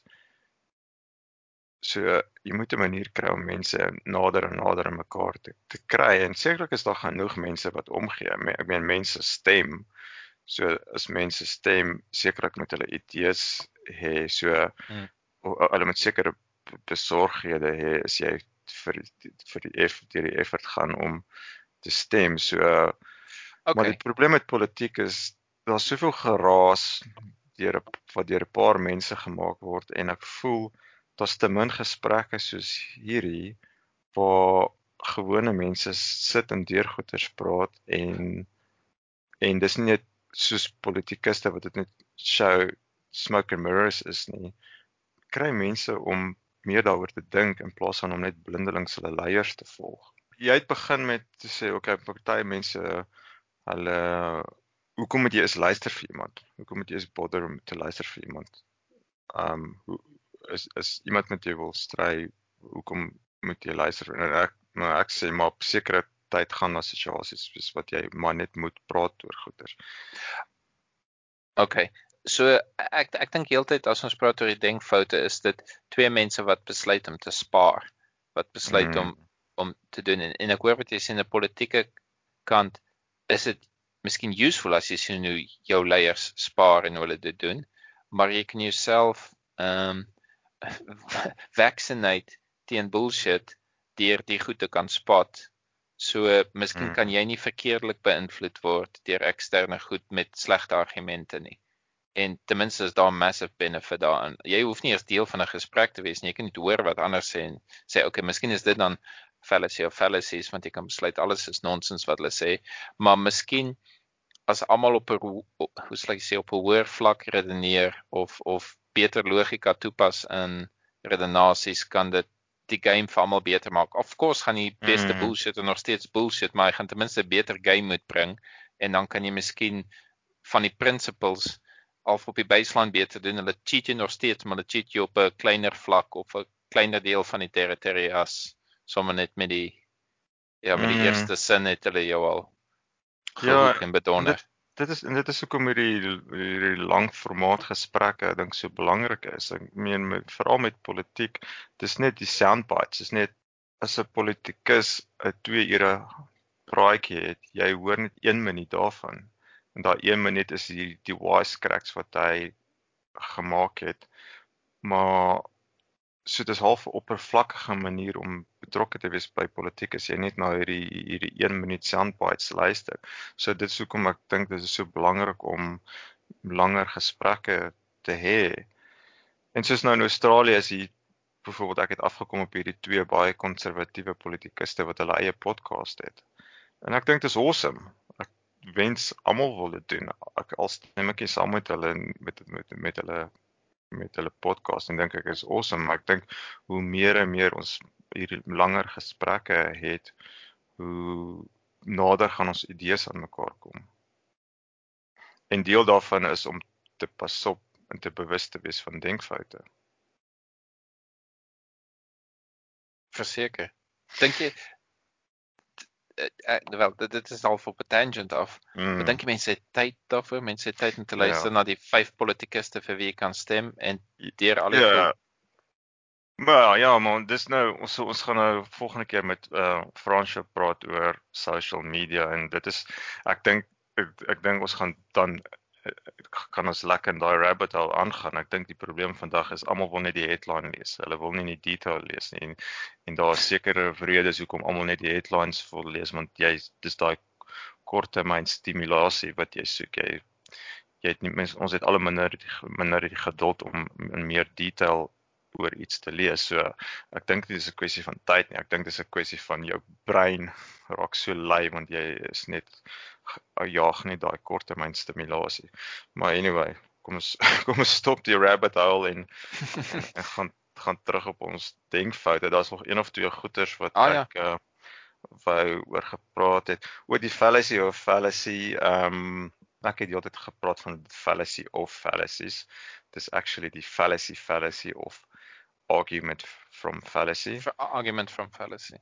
Ja, so die formele naam is argument from fallacy. So dis waar soos wat jy sê iemand het 'n argument en hy kom by die regte antwoord uit, maar sy sy manier hoe hy daar uitkom is verkeerd, so jy kan nou nie die baba met die badwater uitgooi nie. Um so dis nou een van daai goeters as jy dit spot, jy moet regtig dit spot. Jy moet sê, "Oké, okay, wag so 'n bietjie."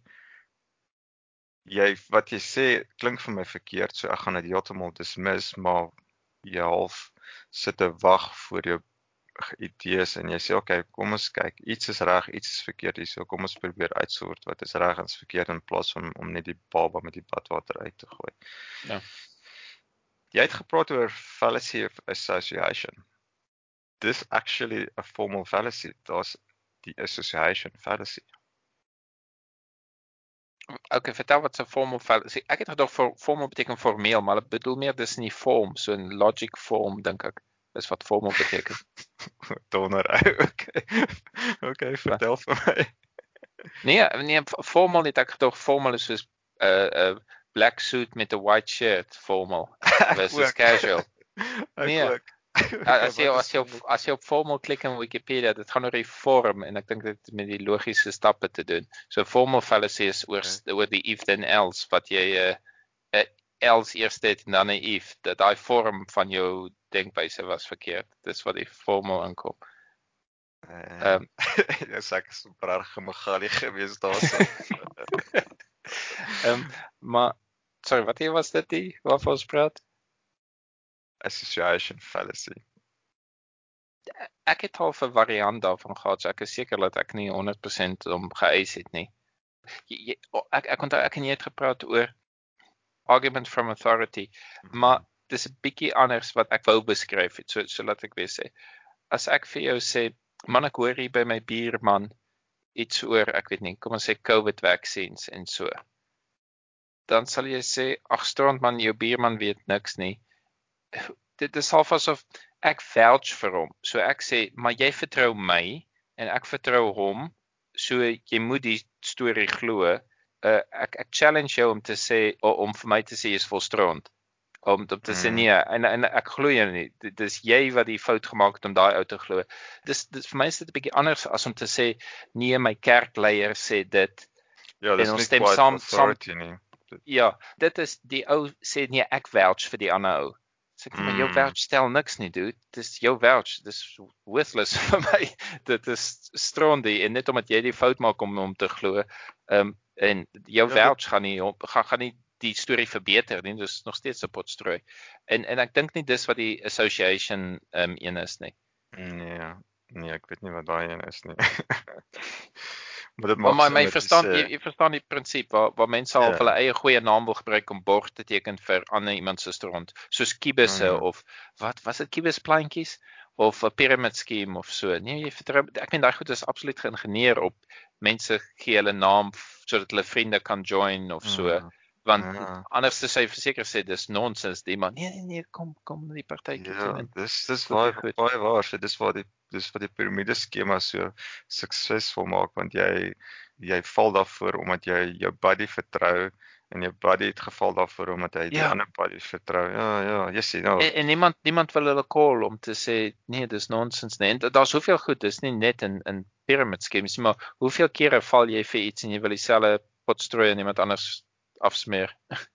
Ehm um, maar okay die association fallacy ek het daarso Trump as 'n voorbeeld gevat maar daar's actually ek sê nie daar's 'n beter beskrywing daarvan nie maar daar's iets wat baie ehm um, soortgelyk is. Dis jy al gehoor van ad hominem.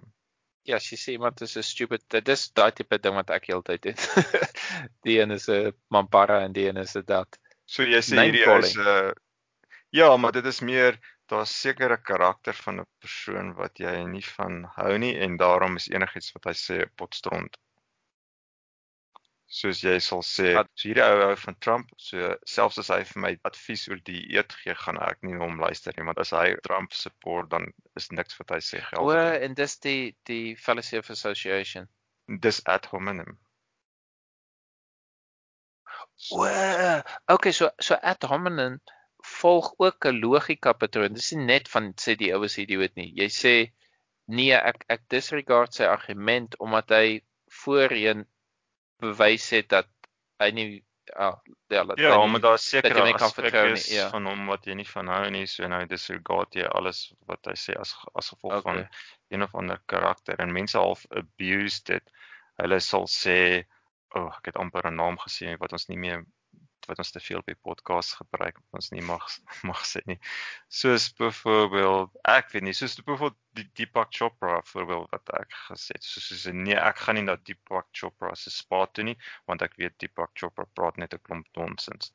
Maar in the meantime is sy spa fantasties en lekker, maar jy gooi nou die baba met die badwater uit omdat jy mm. nie hou van sy idees oor quantum um physics. Ah, so die fallacy of fallacy is jy jy het iemand betrap wat 'n logical fallacy fout gemaak het en daarom gooi die baba met die badwater uit. Die ad hominem is uit 'n karakter flaw gehad en daarom gooi jy sy argument uit. Ja, karakter flaws is nou een voorbeeld van ja, ja, ja, ja. kan ander ander weer wees. Maar non 'n non-logical fallacy. Ja, 'n non-logical fout. Okay. Jy dismiss net alles omdat dit van hom afkom.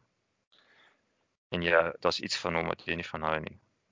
Ja, wel, dit dit dit kom weer terug by emosies dat op die einde van die dag ek ek is seker daar's baie jokes oor verhoudings of so en jy kan reg wees maar sien jy geen argument wen nie. Ehm um, ja, sodra emosies inkom of ja, gelukkig leef ek nie in so 'n wêreld nie want ek sou dit nie gemaak het nie of of of is my direkte omgewing nie so nie. As mense mekaar fisies gemoer het, ja, dan sou ek minder kans gestaan om enige argument te wen of ehm um, ja.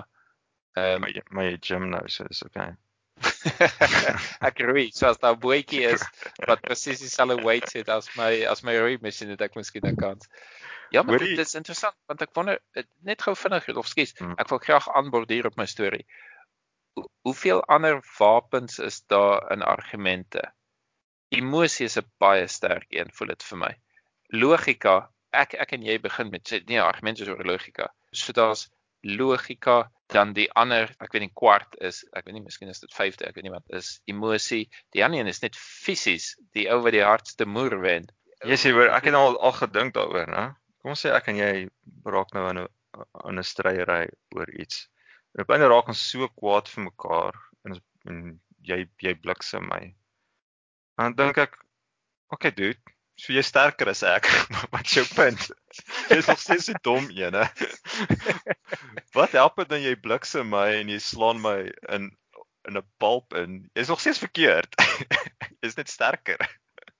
Dis so stupid. Dit's so stupid om fisies te beklei soos in ja, een nou ry voor die ander ou in sny hom af. Nee man, ja ek het nie vir jou ingesny nie. Jy het 'n gap gelaat. Blablabla. Bla, bla, begin mekaar te moer. By 'n vandag is jy nog steeds 'n doos en die ander ou is maar net sterker as hy. Wat 'n Ek hoor wat 'n moer ek hoor wat 'n moer het jy nou bewys deur iemand te bliksem. Dis al 'n stupid ding om te doen om iemand te bliksem want jy nie saam met hom stem nie. Jy's nog Ek steeds verkeerd. Ek hoor wat jy sê, maar jy gaan vir 'n tweede keer gebliksem word. As as as jy dit vir hom sê, maar dis goeie vraag. Uh, Ek sal appeal aan jou logical side wat die vraag gevra het. Want uh, ek dink en en ek probeer altyd dink hoe gaan ek myself uitdruk? Ek sien die die hele mens as 'n piramide van goed. Op die laagste vlak het jy jou hart wat klop wat jy nie kan kan stop nie. Dit gebeur net onwillekeurig en dan miskien op 'n ander vlak kan jy sê wel ek kan ek kan my asem inhou maar kan nie ophou asemhaal nie. So so daar's 'n bietjie van jy jy interfereer met die met die willekeurige kant. Dan het jy al jou free will. piep, piep, Ja, ja, free ja. will. Nee nee, nee maar maar maar ek gaan nie vri- ek sal probeer om free will te dodge. Maar maar dan kan jy kom jy op 'n vlak waar ons nou sê okay, dit is nou wragtig jou instink en jou goed. Waar jy sê okay, ek is honger of ek's horny of ek's dit of ek's dat of ek wil iemand moer. En dan laaste kom jy nou op maybe kultuur en so en logika wat nou heel bo is wat ons nou gebruik as westerses maybe om ons miskien westerses ook om ons om ons gang te gaan. Ek dink hoe laer die alarm afgaan, hoe meer tel die boonste deel nie.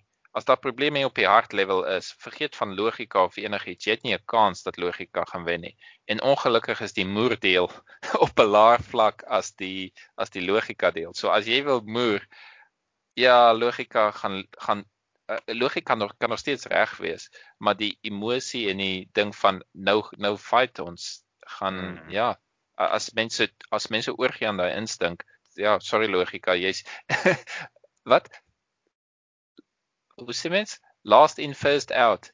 Dis die laaste skill wat ons as mense opgetel het. Dis die eerste een wat by die deur uit is as daar 'n bietjie pressure kom. Ja, ja, ek meen ja, al wat jy kan doen is om jou logika logika te gebruik om nie in daai situasie te kom Ja. nie. Ek meen as jy nou afgesny het in verkeer of hy sê jy het hom afgesny. Ehm um, as hy regtig mean tattoos het dan sê maar jammer. So, gebruik jou logika also. Uh uh daar's nog 'n hele paar goeters wat ek wou deurgegaan het, maar ek dink nie gaan deur alles kom nie. Ehm um, so kom ons uh, o, wag, dit een ding, net een ding. Uh begging the question. So Toby het begging the question. Ek gaan Toby nou weer onder die bus gooi. Ehm um, hy het die voorbeeld gevat van die caveman wat in die grot inhardloop omdat hy bang is en ek So ek nou gaan lees oor begging the question. Ek kan daar reg nie sien hoe hy by begging the question uitgekom het nie, maar terselfdertyd om om nou so 'n bietjie nie onder die bus te gooi nie. Ons het nie regtig om kans gegee om te verduidelik wat begging the question is nie. So ehm um, weet jy wat begging the question is? Is begging the question nie? Dit dis half soos as jy 'n woord gebruik wat jy definieer in die definisie self. En ek kan nou nie 'n voorbeeld daarvan gee nie, maar ek het net nou dag met 'n ou geargumenteer en ek was regtig kwaad en emosioneel want ek hou nie van fight nie, so ek het myself nie mooi gedra nie. Toe sê ek vir hom, jy vertel vir my net wat jy wil hê. Jy vertel nie vir my jou argument hoekom jy dit wil hê nie. Jy vertel net vir my die ding wat ek reeds weet jy wil hê. Dit dis nie 'n argument hoekom nie. Dis net wat die uitkoms wat jy soek. En en ek dink begging the question is so iets. Jy jy vertel vir jou ja, vergee jy vir my die voorbeeld. Jy het Ja, nee, jy's voorberei. jy's jy's pretty much daar. Ehm um, jou conclusion maak jy deel van die premise. Ja, ons moet alle mense help want mense het baie keer hulp nodig. Dis reg, Ja, presies. ons kan miskien sien dat perfekte dat daar dis goed of so en daar en dis hoekom mense daar verval want miskien is daar jy stem saam met die conclusion maar jy stem die logika maak absoluut niks sin nie want daar wa- hy hy het niks geadd hy het nie 'n 'n rede Ja, gegee maar maar jy jy jy doen 'n trick daarso waar jy die die jou conclusion smokkel jy by jou premise in. So hoe kan hoe hoe, hoe kan jy nou stry met die conclusion want die conclusion is al klaar in die premise.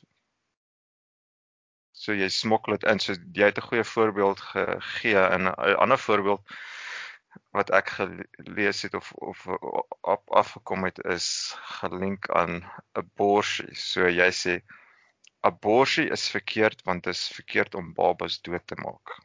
ah So jy smokkel 'n 'n assumption daarin. Jy smokkel dat die een selletjie is klaar 'n baba. So jy jy maak dit moeiliker om iemand met jou te stry want omdat jy daai Ja. ekstra assumption inbring. En ek kan sien die follow-up hier vir 'n Strawman dan. So wil jy vir my sê jy's jy laat toe dat of jy wil hê dat barbecues moet doodgemaak word?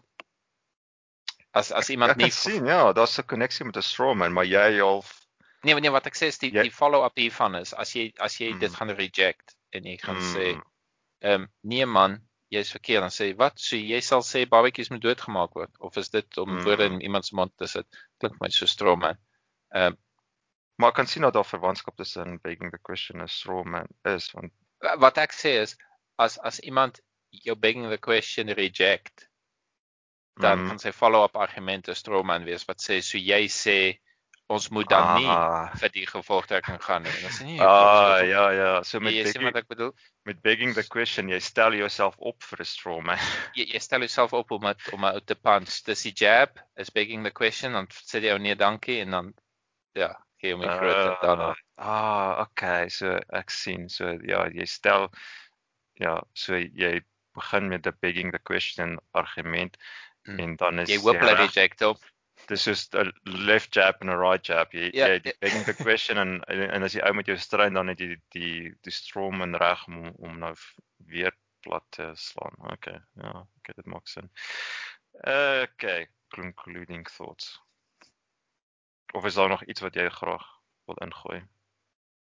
Daar's 'n hele paar algemene fallacies wat soos slippery slope is ene wat uh, ons gemis het, maar ja, ons um ons kan slippery slope uh, insmokkel by 'n volgende geselsie. Um kom ons doen maar net concluding thoughts of of het jy nog een of twee groot goeders wat jy wil deel? Nee, ek het eintlik gedink ek gaan dit sê nie, maar ek reken ek sal begin met 'n concluding thought en dit is as jy nie kan kalm bly nie, gaan jy nie die goed spot nie. Ek meen ek sukkel as ek wil wil belangstel en daaroor lees om te vang hoe die goed werk. En en ek dink dis vir my 'n warning vir jouself. Want Maak seker jy word nie gespanne in 'n argument nie en of as jy dit sien dat jy op 'n manier kan relax want as jy eers gespanne is en emosioneel raak dan ehm um, dan ek dink logika dan dan raak jy argument oor 'n ander rede dan probeer jy om 'n ander Mhm. rede te wen as om oor iets te leer of so. Ja, maar ek ek dis ek stem 100% saam met jou, maar ek dink hoe meer en meer jy die proses van redenasie geniet en die half die uh as jy meer belangstelling het oor hoe logika werk en hoe mense dink en so aan, jy gaan half in plaas van kwaad te word, gaan jy dink, okay, wat se wat se denkfout maak ek hierso? Ja. Wat se denkfout maak ek daarso? Hoekom raak hierdie opgewerk? Wat kan ek doen om te keer dat hy opgewerk raak? As jy regtig belangstel in hoe logika en hoe argumente werk, dink ek is is jy 'n minder kans om kwaad te word en kalm te bly want jy sal meer half excited word. Ooh, ooh, ooh, hierdie Jy ou analiseer dit, ja. ja, ek ek het 'n fallacy gemaak. Wag, wag, wag, ek kan ek kan back backtrack op my fallacy. Ek kan half um meer passief vol raak oor die proses van argument teer as net om uit die argument te wen. So ek dink dis half 'n antidote om om kwaad en emosioneel te raak in 'n gesprek. Plus dis al 'n veilige vlak water speelplek en en miskien is dit presies ja, dat daar's niks fout om te argumenteer of om te redeneer met iemand nie, maar ja, om om in 'n veilige omgewing die goed te oefen of om te, te ek weet obviously as jy dit lees jy argumenteer nie met iemand nie. Ja, dit gee vir jou goeie oefening om dit wanneer dit saak maak, ehm um, makliker te kan spot. Mm. Ja. Ja. Plus soos wat ons al hoeveel keer gesê het, as jy net 'n naam daarvan het, as jy met mense is met trust waar waarmee redeneer en argumenteer, ehm um, as jy naam daarvoor het, is dit soveel makliker om net te sê, "Ah ja, dis die naam, dis die ding, ja, en dis hoekom ek dink is dit of dat." Eerder as Maar om maar jy sê om mense te vertrou, maar ek dink mense moet probeer om meer mense te vertrou en dit is waar die charity inkom.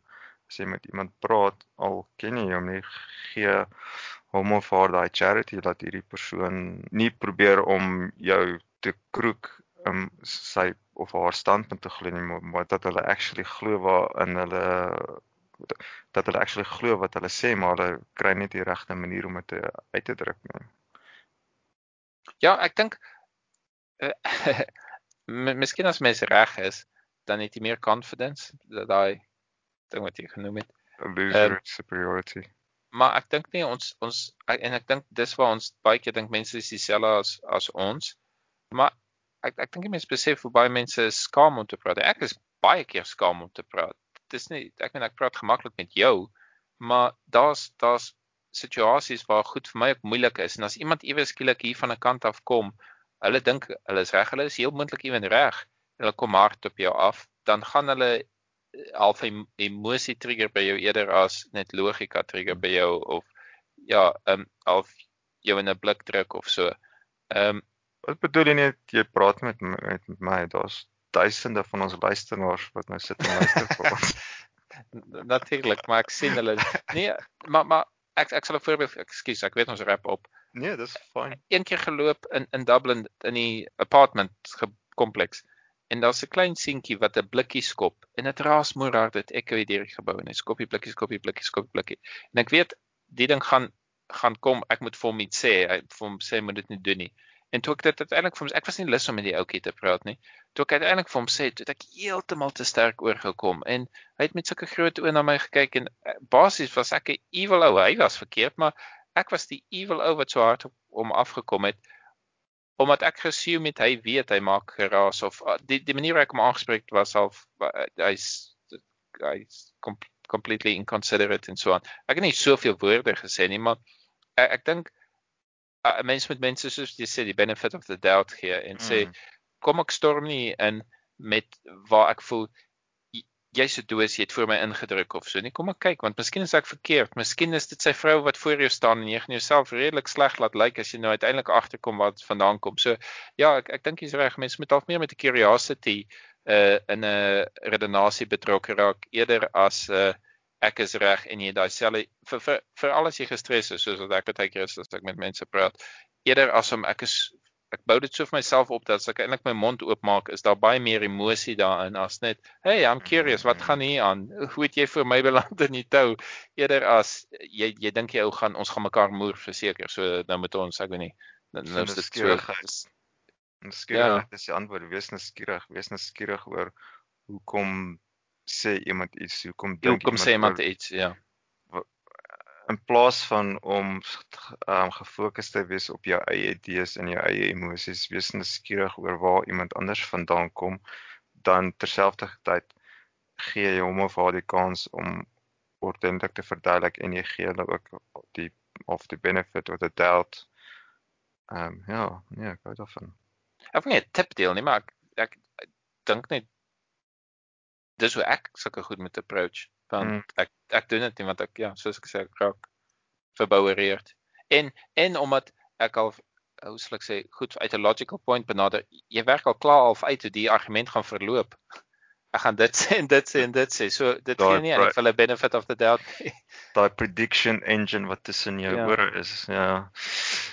All right man. Dit was dit was goed weer eens dankie vir almal wat geluister het vandag Loma. hey, ek dink dat my ma se luister daarna. uh, okay, so. Ons praat weer. Magalies uit. Magalies uit. Alright.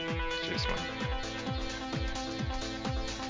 Vir enige navrae of kommentaar, kontak ons by magaliespotboy@gmail.com of check ons uit op Facebook.